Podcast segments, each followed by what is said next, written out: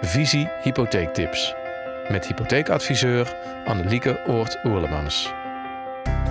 In deze hypotheektip. Wat is een startershypotheek?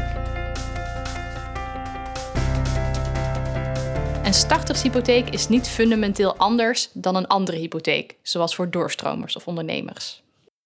Wel lopen starters tegen hun eigen problemen aan op de huidige woningmarkt en zijn er bijzonderheden voor deze groep. Vaak heb je dan een relatief laag inkomen, waardoor je minder hypotheek kan krijgen, een openstaande studieschuld of niet te veel spaargeld.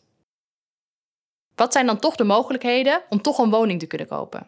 Misschien kun je je familie, bijvoorbeeld je ouders, om hulp vragen met een schenking.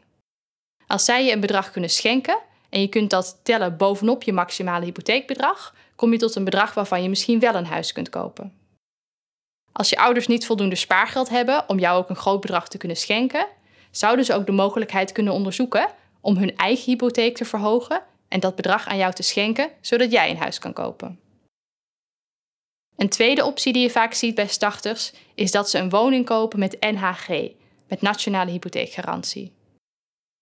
Bij woningen met NHG heb je te maken met een lagere rente dan bij gewone hypotheken. Als je een woning met NHG koopt, dan heb je een lagere rente en dus ook lagere maandlasten die gemakkelijker te betalen zijn voor starters. Daar zit wel een grens aan. Om voor NHG in aanmerking te komen, mag je huis niet duurder zijn dan 290.000 euro. Dit bedrag wordt elk jaar aangepast.